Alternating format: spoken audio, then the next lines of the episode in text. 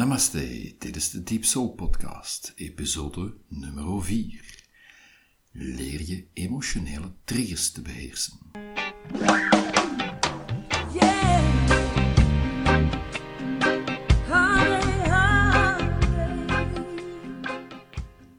Van harte welkom bij de Deep Soul Podcast. Ik ben je gastheer Peter, Peter Kuppers.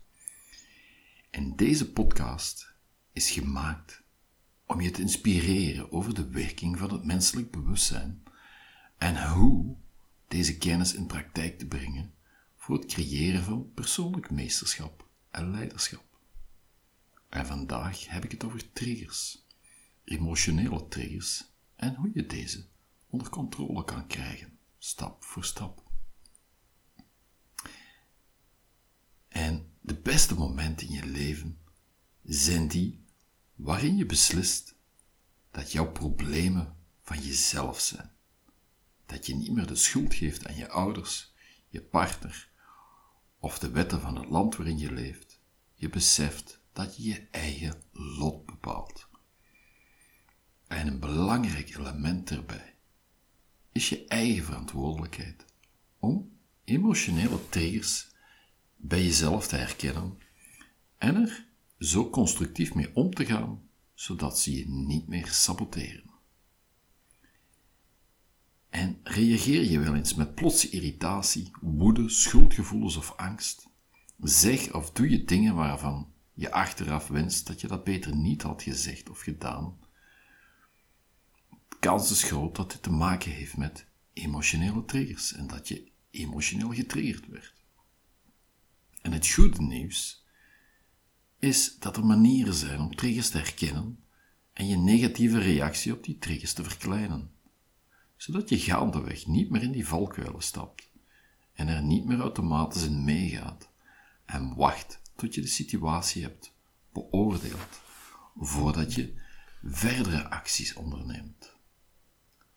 Oké. Wat is een emotionele trigger? Ik leg je eerst uit waar ik het überhaupt over heb, een emotionele trigger. Want de eerste stap in het omgaan met emotionele triggers is het herkennen ervan.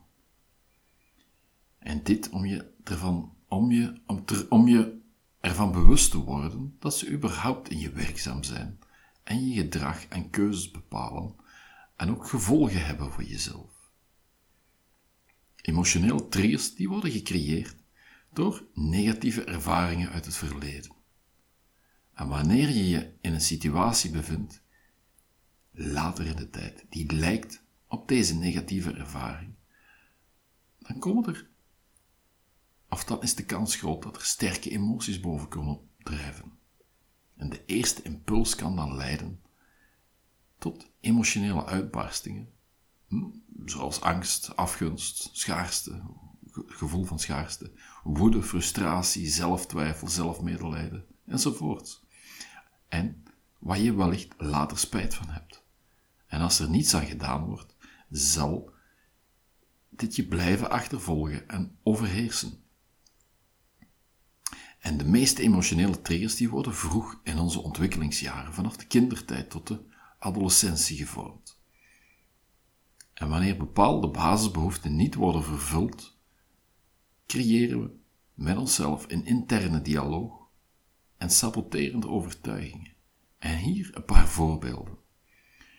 Ik ben, allez, een paar voorbeelden van die saboterende overtuigingen. Ik ben nooit goed genoeg. Het is altijd mijn fout. Ik doe er niet toe. Ik heb altijd pech. Niemand heeft me graag. Ik kan niet op anderen vertrouwen. Ik moet perfect zijn. Ik ben altijd de zondebok. En zo kan je er nog veel meer bedenken. En wellicht, misschien ken je er ook wel een paar van bij jezelf. En aan deze saboterende overtuigingen hechten zich altijd bepaalde emoties die we dan voelen.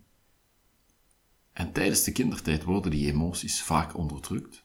En op volwassen leeftijd voelen we ze met een grotere intensiteit, omdat er meer kans is om het wel te uiten. En de verandering van sommige emotionele patronen vergt soms levenslange aandacht. Je kan ooit zo diep door iets of iemand getraumatiseerd zijn geraakt, dat je zelfs na een goede behandeling levenslang alert moet blijven als je met een bepaald type persoonlijkheid of gelijkaardige gebeurtenis van vroeger terug geconfronteerd wordt. Laat me een emotionele trigger met je delen die in mijn leven wel eens speelt. Ondanks mijn ruime praktijkervaring met de meest diverse persoonlijkheidstypes, moet ik nog altijd opletten dat ik niet geconfronteerd word als ik samenwerk met mensen die iedere vorm van verbinding uit de weg gaan en zo strikt formeel blijven, zonder enige vorm van gevoel of echte communicatie. Dan moet ik alert zijn om niet in de valkuil van afwijzing te stappen. Want doorgaans is de afwijzing slechts een interpretatie van mezelf van de situatie en iets wat zich enkel in mijn hoofd, in mijn eigen hoofd afspeelt. Maar door ervaringen in mijn kindertijd is er wel een associatie met dit soort types gelegd, die zich vliegensvlug in mij activeert. En ondertussen weet ik het snel te herkennen en er constructief mee te dealen, zonder dat het een negatieve invloed op de situatie heeft. Maar dat is wel omdat ik heel alert ben telkens in dat soort situaties, om niet in dezelfde valkuil te stappen. Oké, nu heb ik je uitgelegd. Wat is een emotionele trigger? En hoe kunnen die triggers ons beïnvloeden? Emotionele reacties die spelen ons parten in ons relationeel en professioneel leven. En ze zijn dagelijks aanwezig in verschillende maten van intensiteit, van laag naar extreem, en resulteren vaak in overdreven emotionele reacties. En enkele voorbeelden waarop emotionele triggers een negatief effect kunnen hebben zijn dat het je parten speelt bij belemmeren van, ze belemmeren persoonlijke groei. Ze geven aanleiding tot een laag zelfbeeld of een laag zelfvertrouwen. Ze kunnen, steeds maar weer, relaties verstoren. Persoonlijke relaties, zakenrelaties. Ze kunnen interfereren met werkprestaties. Ze, leveren, ze kunnen een bijdrage leveren aan gevoelens van depressie of angst. En het kan je steeds maar verkeerde veronderstellingen over anderen geven. En dat brengt mij naar, heel centraal in deze podcast, een stappenplan om jouw emotionele triggers te beheersen. En dat zijn een aantal besluiten die je kan nemen. En ik noem ze eerst even op en dan ga ik er dieper op in. Besluit 1. Neem verantwoordelijkheid voor jouw emotionele triggers. 2. Besluit 2. Evalueer of ga na hun effect op jouw leven. 3. Verbind de trigger met jouw levenservaringen. 4. Identificeer de onvervulde behoefte en de onjuiste overtuiging die erachter zit. 5. Heb een innerlijke dialoog met je, met jezelf. En tenslotte besluit 6. Trek grenzen met mensen die je ongezond triggeren. En nu leg ik ze je uit, meer detail. Want emotionele triggers zijn niet je meester tenzij je het toestaat. En in tegendeel, je kan jouw emotionele triggers onder de knie krijgen door een aantal belangrijke besluiten te nemen. Ik heb ze hier net opgenoemd. En besluit 1. Neem verantwoordelijkheid voor jouw emotionele triggers. Weet wat jou emotioneel triggert. Weet jij wat jou emotioneel triggert? Oké, goed. Laten we veronderstellen dat jouw trigger woede is. En wanneer je gevoel van controle wordt bedreigd, zou het kunnen dat je met woede reageert. En als je dan anderen de schuld geeft van je boosheid, neem je geen verantwoordelijkheid voor jouw trigger, of voor jouw getriggerd zijn hierdoor. En om een emotionele trigger onder controle te krijgen, begint het dus ermee om er verantwoordelijkheid voor op te nemen. Niemand controleert je emoties, ook al voelt dat misschien zo. Jij bepaalt hoe jouw emoties naar buiten komen. En wanneer het in je onderbewuste wordt geactiveerd, kan het lijken alsof het extern wordt geactiveerd. Maar feit is, en dat is ook het goede nieuws, triggers worden altijd innerlijk geactiveerd, dus je kan er actie op ondernemen. Besluit 2. Evalueer het effect van de triggers of van de trigger op jouw leven. Want als je jouw emotionele triggers onder de knie wilt krijgen, overdenk dan hoe ze in je persoonlijke of professionele leven of, of en relaties binnendringen. En als het je echt stoort, heb je meer kans om er iets aan te doen om het effectief te veranderen. Besluit 3. Verbind de specifieke trigger waar je iets aan wilt doen met jouw levenservaringen. Ik leg het je uit wat ik ermee bedoel. Triggers die vertellen een verhaal over je levensreis, ervaringen in je verleden, die hebben invloed op hoe je denkt en handelt. En het verbinden van emotionele trigger met ervaringen uit het verleden kan verklaren waarom je op een bepaalde manier reageert. En soms, om dat te achterhalen, heb je wel eens hulp nodig van een deskundig therapeut. En de ervaring en emotionele reactie die worden geregistreerd binnen je geheugen in het onbewuste. En dat kan worden geactiveerd door een bepaalde prikkel. Pak nu de overlevenden van 9-11 en ik ken er zo eentje die me daar onlangs over vertelde over haar vliegangst. En deze persoon, die voelt telkens paniek wanneer er een vliegtuig boven haar hoofd vliegt, of zelfs al wanneer iemand met een Arabisch uiterlijk langs haar in het vliegtuig zit. Dus zij wordt daar getriggerd. Besluit 4. Identificeer, even een duur woord, identificeer de onvervulde behoefte en de onjuiste overtuiging. Want verkeerde overtuigingen die worden in de loop van de tijd gevormd als reactie op een onvervulde behoefte. En ik geef je een voorbeeld van een klein meisje en laten we haar Sabine noemen. En de basisbehoefte van Sabine om erbij te horen, die wordt niet goed opgevangen door haar ouders. En in de loop van de tijd heeft Sabine een verkeerd geloof ontwikkeld, een overtuiging van ik doe er niet toe. En later als volwassene kan ze dit verkeerde geloof of die, die, die overtuiging toeschrijven aan het gedrag van anderen en haar buurt, vooral aan haar toekomstige partner of echtgenoot, met een boel relatieproblemen tot gevolg. En enkele van de meest voorkomende behoeftes die, als ze ontkend worden, die emotionele triggers opwekken, zijn geaccepteerd worden of niet geaccepteerd worden. Nodig ze. Respect, controle, autonomie, vrijheid, veiligheid, onafhankelijkheid, enzovoort. En op het moment dat je door iets getriggerd wordt, is het zaak de juistheid van de situatie te beoordelen. En ben je in die situatie echt die behoefte kwijt of niet? Ontkent, is het echt zo dat die andere persoon actief jouw behoefte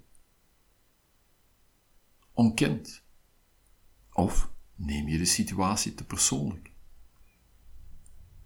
En als dat het geval is dat iemand je behoefte negeert of blokkeert om dit te bereiken, dan kan je er alsnog op reageren en vragen wat je nodig hebt. Of als het er niet echt toe doet, dan kan je het ook weer loslaten.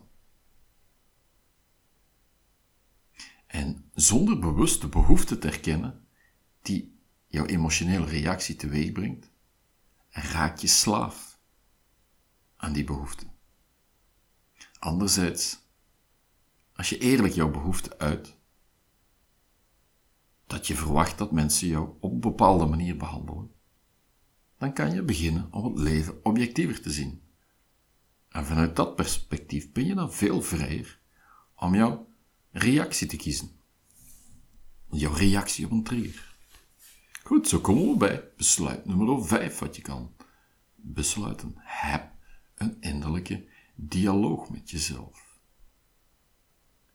En de sterkste punten die je ooit hebben geholpen om te slagen, zijn tevens je grootste emotionele triggers als je voelt dat iemand die sterke punten niet respecteert. En zoals eerder vermeld, of zoals net vermeld, is het belangrijk om jezelf tot de orde te roepen op het moment dat deze emoties of die trigger wordt geactiveerd. En dan kan je vaststellen of de vermeende dreiging die je eerst automatisch aanneemt, of die wel reëel is of niet. En erken dat je emotioneel verstoord bent. En dat je vooralsnog een keuze hebt om er direct op te reageren of de ruimte te laten om te antwoorden. En het doel van, en, en dat bedoel ik met een, een innerlijke dialoog. En het doel van die innerlijke dialoog met jezelf is tweeledig. Het kalmeert jouw getriggerde emotie en je corrigeert de onjuiste overtuiging bij jezelf. En wanneer een trigger optreedt, kan je je enigszins machteloos voelen tegenover de emotie. Maar vergeet dan niet dat je niet machteloos bent voor de emotie. Je kunt het kalmeren, je kunt jouw reactie kalmeren, door een innerlijke dialoog met jezelf aan te gaan. En het is alsof de volwassene die je bent, praat met het kind in je, met een kinddeel in je, dat zich overweldigd voelt. En je kalmeert dat kind. Zulk een soort innerlijke dialoog. En dat heeft dan weer een kalmerend effect op dat soort van innerlijk kind in jou en dus ook op jezelf. En een van de meest effectieve manieren om voortdurende innerlijke dialoog met jezelf te ontwikkelen, kan zijn door je triggers en verkeerde overtuiging neer te schrijven. En hier kan je dan de gevoelens herkennen, verwerken en de saboterende overtuiging herformuleren in een uitspraak die je nu nauwkeuriger beschrijft als volwassene. En vervolgens is het dan van belang die onjuiste overtuiging te corrigeren. wanneer een trigger ervoor zorgt dat je fantaseert over alle slechte dingen die gaan gebeuren, dan kan je het volgende hardop zeggen. Mijn trigger is. Uh, vul iets in wat voor jou van toepassing is. Mijn trigger is steeds weer neem afgewezen worden. Omdat mijn voorkeur voor ei niet wordt ingevuld, dus ik verwacht dat z zal gebeuren. Ik geef dadelijk een voorbeeld. En gewoon dit gewoon hardop zeggen is vaak genoeg om de onzin in te zien van welk gevoel je trigger veroorzaakt. Laten we even kijken, terug naar het voorbeeld van Sabine, met de onvervulde behoefte om erbij te horen.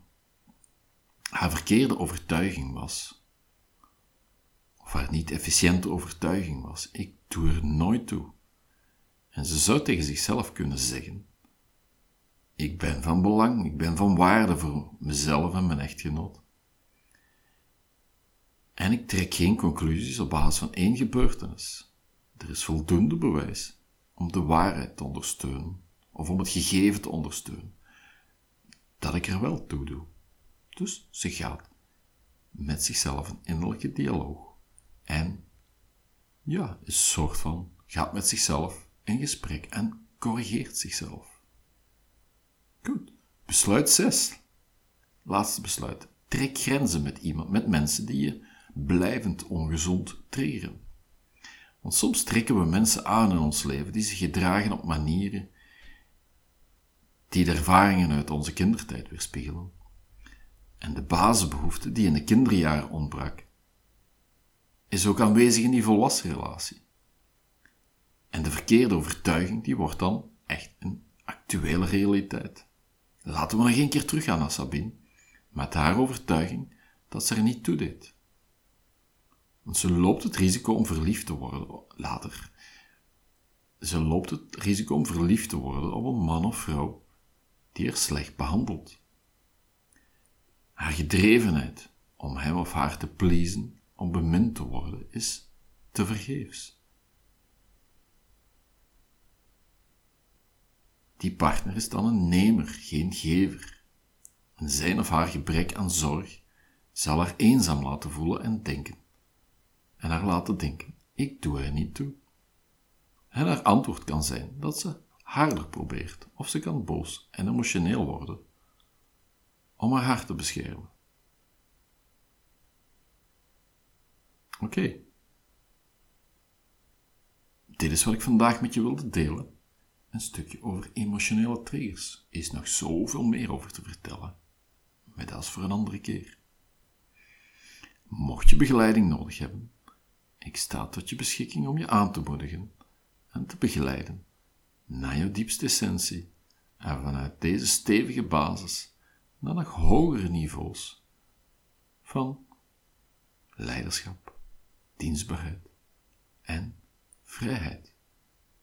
Geniet van je dag en tot een volgende aflevering.